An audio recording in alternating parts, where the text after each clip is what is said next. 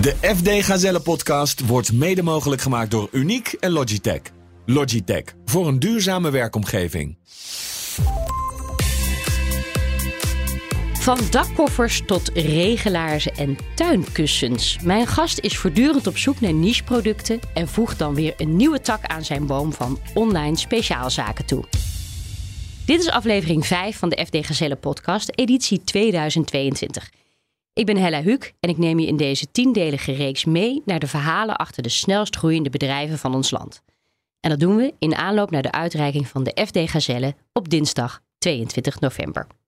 Met deze keer Etrias. De gast is medeoprichter Stan Verhoeven. Stan, welkom. Dankjewel. We beginnen elke aflevering met drie korte vragen. En dat betekent dus ook korte antwoorden graag. En dan komen we daar in uh, deze uitzending op terug. Hoe verklaar jij in maximaal twee zinnen het succes van jullie onderneming? Je bewustzijn van je onderscheidend vermogen en dat maximaal uitbuiten. Oeh, dat deed je heel snel. Goede kan soms pijn doen. Waar voelde jij het afgelopen jaar het in de organisatie knellen? Op heel veel plekken. En wat is de beste tip die jij voor online ondernemers hebt?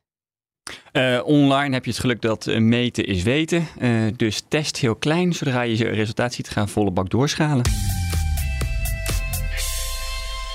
Jouw bedrijf is in feite een verzameling van specialistische webshops.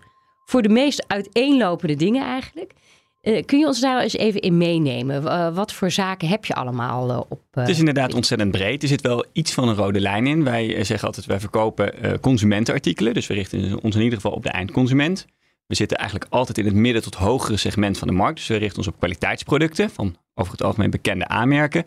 En we zijn vooral groot in en rondom het huis. En functionele fashion. Dat zijn de twee belangrijkste groepen. En om dat dan concreet te maken, iedereen kent denk ik wel de schoenen koop je grotendeels bij. Zalando is nou eenmaal de nummer één. En in, de, in Nederland is mode ook een hele grote speler.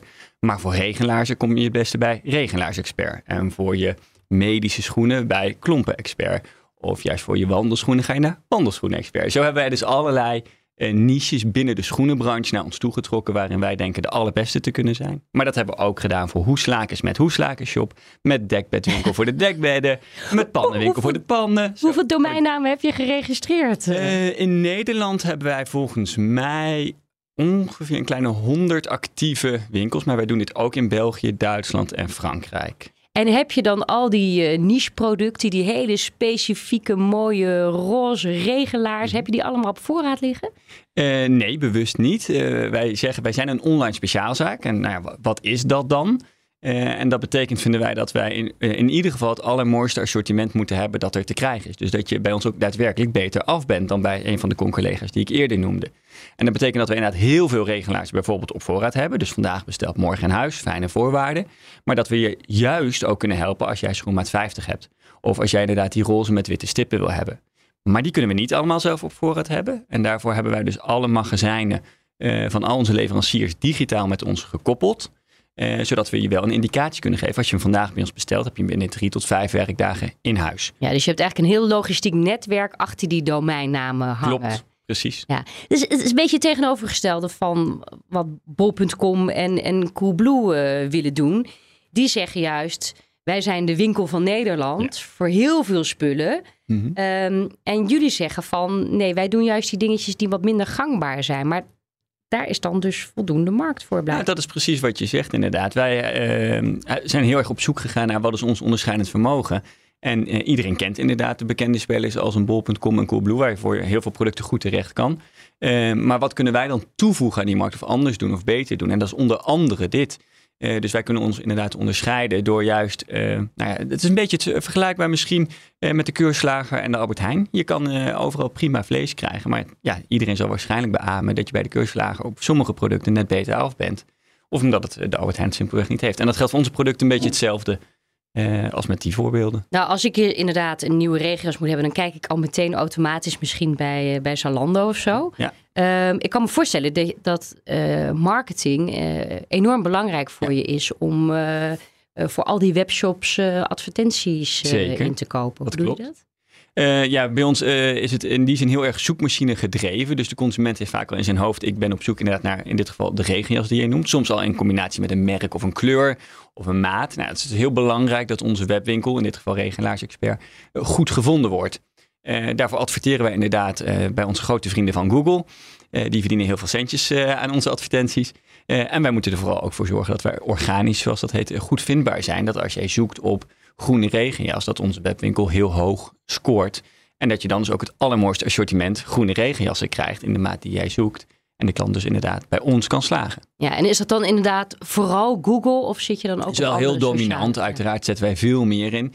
Uh, Bing uh, wordt uh, gebruikt, maar ook vergelijkers als een, een beslist.nl of een vergelijk.nl. Overstok bieden wij juist weer via uh, als bol.com aan, wat dan ook weer een marketingkanaal kan zijn. Ehm, en we hebben ook onze eigen e-mailmarketing. Dus als je ooit bij onze klant bent geweest, dan gaan we je natuurlijk wel proberen te verleiden uh, om ooit een herhaalaankoop te doen. Dus op die manier proberen wij niet alleen van Google afhankelijk te zijn. Ja, je zei in het begin van het gesprek, ja, meten is weten. Dat is zo mooi van online, want je weet echt uh, op detailniveau uh, welke soort hoeslaak je hebt verkocht. Um, ja, deel van de ondernemen is natuurlijk ook af en toe iets, iets stopzetten. Is het ook wel eens niet gelukt? Oh ja, heel vaak zelfs hoor. Ja, nee. Uh, wij zijn echt van het, van het gewoon proberen. Uh, en door schade en schande word je wat wijzer. Uh, en zo kan ik me herinneren dat wij ooit een zakmessenwinkel hebben. Ja, die gewoon niet voldoende van de grond kwam. En we hebben ja, ooit. Klinkt wel als een niche juist. Ja, zeker. Ik kan absoluut. me er wel wat bij voorstellen. Maar het lukt in dit geval niet. De, de puzzelstukjes moeten echt precies goed vallen. Je kan soms niet het verschil maken. De marge kan het soms niet hebben. Uh, maar wij zijn ook ooit gestart met een, een koffiemerk. Ja, superleuk. Maar toen kwamen we erachter, ja, echt een nieuw merk een, uh, een consumentenproduct wat ook in de supermarktschappen te krijgen is in de markt zetten. Dat is een ander vak. Dat, dat verstaan wij op dit moment niet. Dat was je eigen koffiemerk? We hebben een eigen koffiemerk gelanceerd. Ja, heel leuk. Heel leerzaam. Heel ambitieus. Uh, en uiteindelijk hebben we het nog verkocht, het merk. Uh, en dus iemand anders die daar meer kennis van had, heeft het iets groter kunnen maken. maar dat was niks voor ons. Dus we hebben wel moeten leren uh, wat we inderdaad ook niet moeten doen. Ja, en nou ja, goed, dit programma gaat natuurlijk dan vooral over, over groeien. Dan kan je zeggen van mhm. ik kan echt proberen, nou ja, die regelaars er dan maar weer toch aan een grotere groep of in het buitenland te verkopen. Of toch meerdere niche-producten. Mm nou, niet die zakmassen dan. Ja. Rol je nog steeds uh, nieuwe sites uit? Dat je nieuwe niche-producten nog kan wel vinden? Niet in een zeer hoog tempo, omdat we inderdaad onder andere bezig zijn met de internationale uitrol. Uh, dat is een belangrijk onderdeel uh, van de groei. soms, dat komt dan op je pad of niet, is een, een overname. We hebben in het verleden hebben wij meerdere andere bedrijven overgenomen. Die het om wat voor reden dan ook niet, niet redden. Eh, of uh, ja, tot hun plafond kwamen. Uh, en dat wij nou, daar meer uit konden halen. Dus er zijn echt heel veel verschillende manieren voor ons geweest om te groeien. en dat is inderdaad heel bewust kijken naar je portfolio. Joh, in de winter zijn we ontzettend goed. met de regenlaarzen en de dekbedden. Maar in de zomer gaat het moeizaam. Laten we de strandlakens en slippers toe gaan voegen. Echt, echt zo simpel. Uh, en dan, oh ja, we doen een niche. Een niche is klein. Nou, klein is niet fijn, want je hebt juist volume nodig om iets te kunnen. Ja, als we die niche nou eens in uh, België, Duitsland en Frankrijk ook doen, dan hebben we in ieder geval wel dat volume. Uh, dus ja, zo probeer je de totaalcirkel eigenlijk rond te krijgen. En inderdaad, dat zijn dus je focuslanden ook. Ja. ja. tot twee jaar geleden ook Engeland. daar waren we heel mooi aan het groeien. Maar dat gaat op het moment gewoon echt heel erg moeizaam na de brexit. Dat is jammer. Ja, en dan heb je te maken met hogere kosten daardoor? Uh, absoluut. En met name de invoerrechten en de uh, moeilijkheid met het retoursturen voor de klant zelf. Ehm, er is, het kan, maar het gaat dermate veel moeizamer met extra kosten. Ehm, ja, dat het geen focusland op dit moment voor ons is. En dat, is, dat is spijtig. Dat dus je bent eigenlijk dan weg of laag pitje? dat tweede, laag pitje. We hopen ooit weer ja, daar volle bak verder te kunnen. Maar op dit moment ligt er absoluut niet de focus. Als mensen dan nog uh, geld hebben voor de regelaars. want daar ja. gebeurt ook wel wat qua energieprijzen. En, Klopt. Stan Verhoeven van Etrias is mijn gast. Met hem praten we over klantfocus. Maar eerst is het weer tijd voor onze groeitip. Deze keer komt die van Janneke Niesen van Capital T. Ze is serieondernemer en investeerder. En haar tip gaat over verhalen vertellen. Wij zien iedere maand ontzettend veel goede plannen en goede ondernemersteams. En wat wel echt een groot verschil maakt, wat vaak wordt onderschat, is uh, je storytelling. Dus hoe goed ben je in staat om je verhaal over te brengen? En dat is niet alleen voor fundraising, maar dat is ook voor het aantrekken van uh, goede mensen, uh, potentiële klanten. Het verschil tussen succes en falen kan echt zijn hoe goed ben jij in staat om jouw verhaal echt over de bühne te krijgen.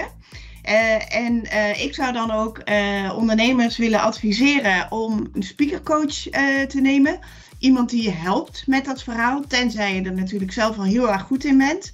Maar um, is dat niet zo, dan is dat echt iets waar je in moet investeren. Want het is in iedere fase van je bedrijf extreem relevant voor alle mensen waar je mee werkt. Dus nogmaals, investeerders, potentiële klanten en werknemers ik vind dat het vaak uh, heel erg wordt onderschat. Um, degenen die al wat langer meelopen, die weten het vaak wel. Die hebben ook gezien hoe hun uh, Amerikaanse collega's dat doen. Maar vaak de, de, ondernemers die het voor het eerst doen.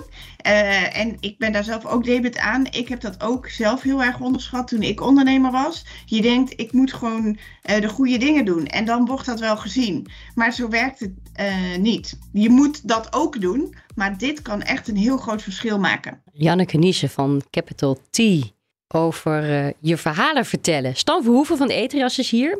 Herken jij wat Janneke zegt? Uh, ja, denk het wel. Ehm, ja, het gaat over storytelling. En ehm, in ons geval is dat ook relevant in verschillende fases. ze hadden het over fundraising. Nou, dan moet je helemaal je verhaal vertellen. Ik mag het hier vandaag ook mijn verhaal vertellen. maar ook op dagelijkse basis ehm, proberen wij als online speciaalzaak wel duidelijk te maken waar het verschil zit. En dan gaat het dus niet alleen over plaatje, product, prijs. Uh, maar probeer je inderdaad aan te geven uh, ja, waar je het verschil maakt ten opzichte van een ander. Ja, want en wat voor verschil is dat dan? Want dat, dat is dus blijkbaar niet alleen dan dat niche product. Nou, het gaat, nee, dat klopt. Het is niet alleen het product, maar het gaat dan bijvoorbeeld ook om de omgeving. in ons geval is, sneeuwkettingen misschien best een mooi voorbeeld. Echt weer een, een heerlijk niche product. Uh, maar als ik aan jou vraag welke sneeuwketting heb je nodig, ja, dan kijk je me aan. Ja, geen, geen idee. idee. Nee, precies. Maar waarschijnlijk weet je wel wat voor een auto je hebt.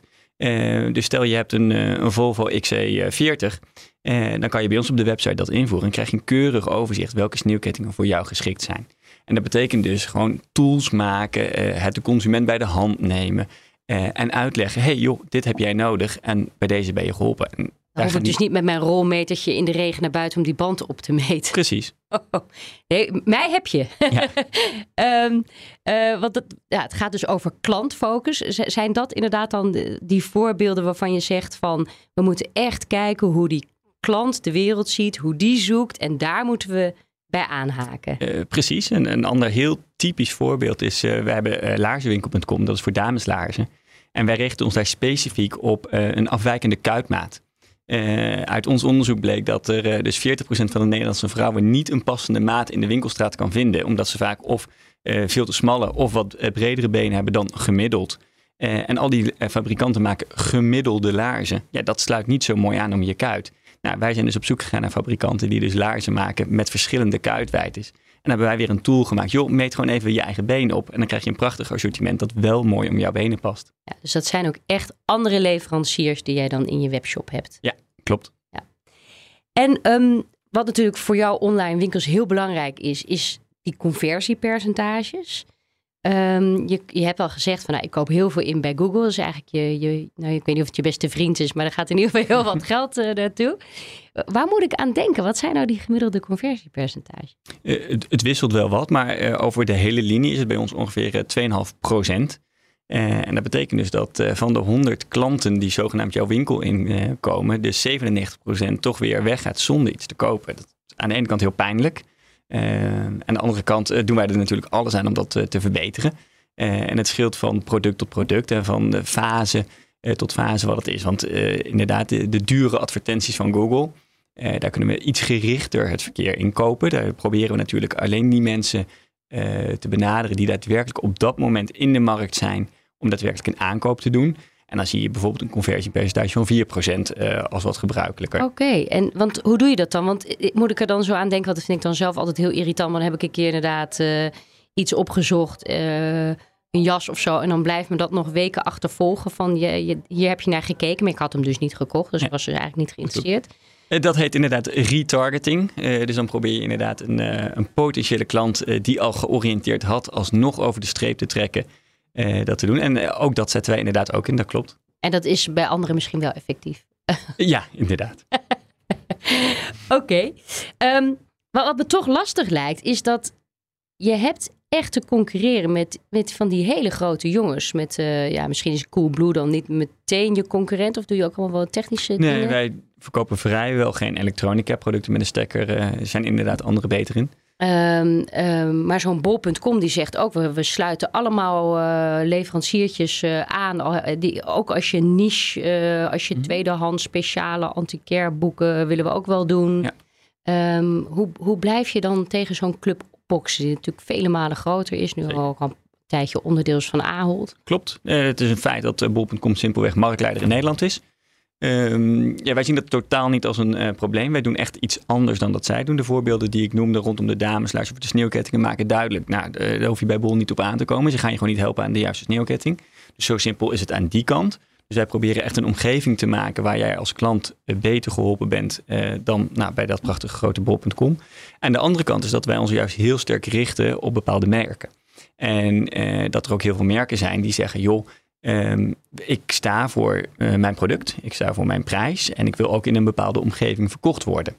En dat betekent dus dat er genoeg, nou, vooral de, echt de A-merken zeggen, joh, dat bol.com dat past misschien wat minder goed bij mij, want dan lig ik naast de Pampers en naast het wasmiddel. En dat past niet bij mijn merkbeleving. Mm -hmm. En daar is een algoritme dat bepaalt wat de optimale prijs is. En dat is ontzettend leuk als de prijs misschien wat omlaag gaat voor de consument.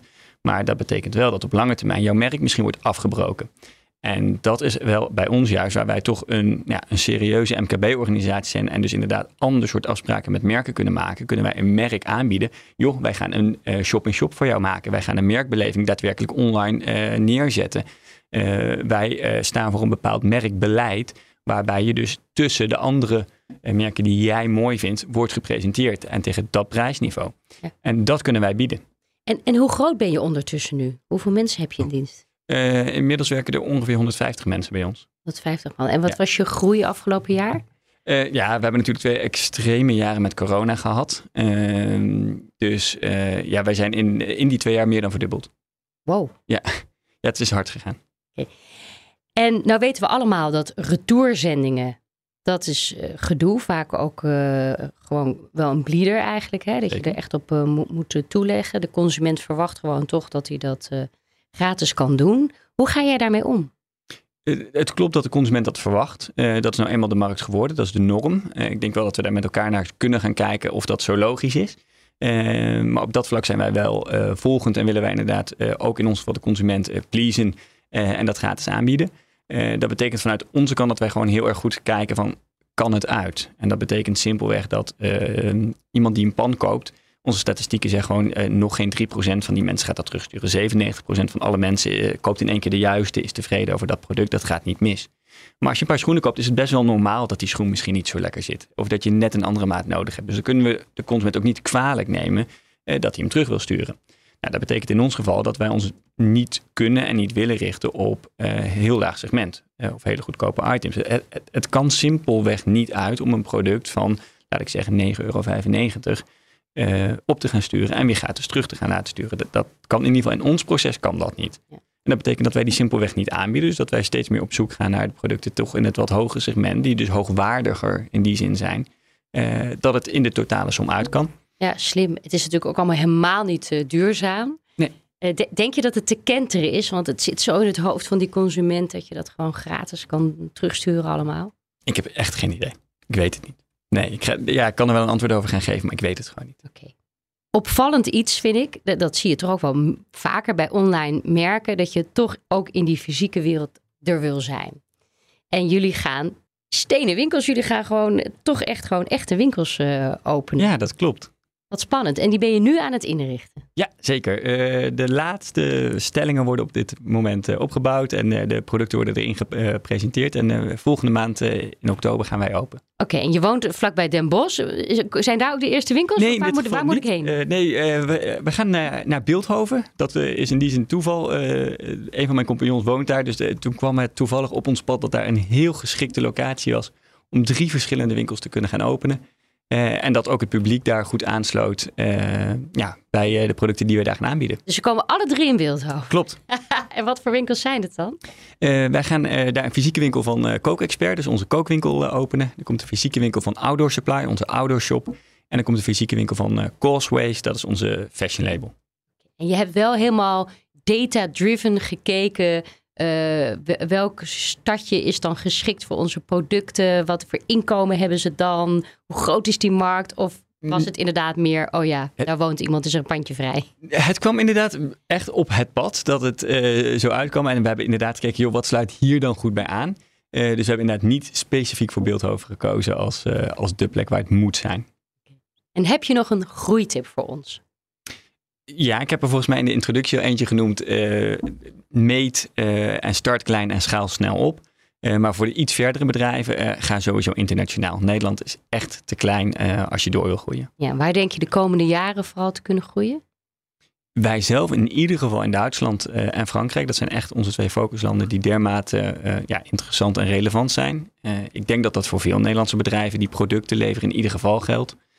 daar kan ik iets over zeggen. Voor, en waar, uh, voor sommige producten zou het ook um, Spanje en Polen ontzettend interessant zijn. Met onze strategie uh, is het ietsjes lastiger, omdat wij alles vanuit één uh, centraal distributiecentrum willen en moeten versturen bijna omdat wij 600.000 verschillende items hebben. Ja, want je hebt wel je eigen distributiecentrum. Klopt, ja.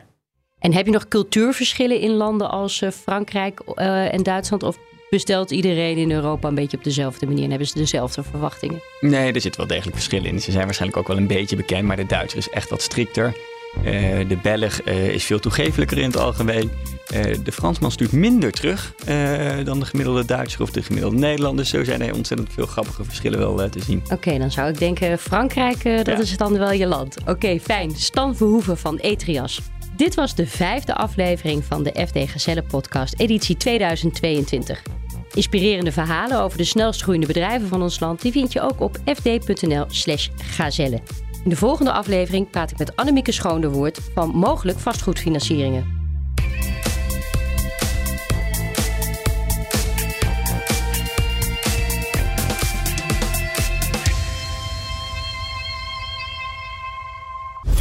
De FD Gazelle podcast wordt mede mogelijk gemaakt door Uniek en Logitech. Logitech voor een duurzame werkomgeving.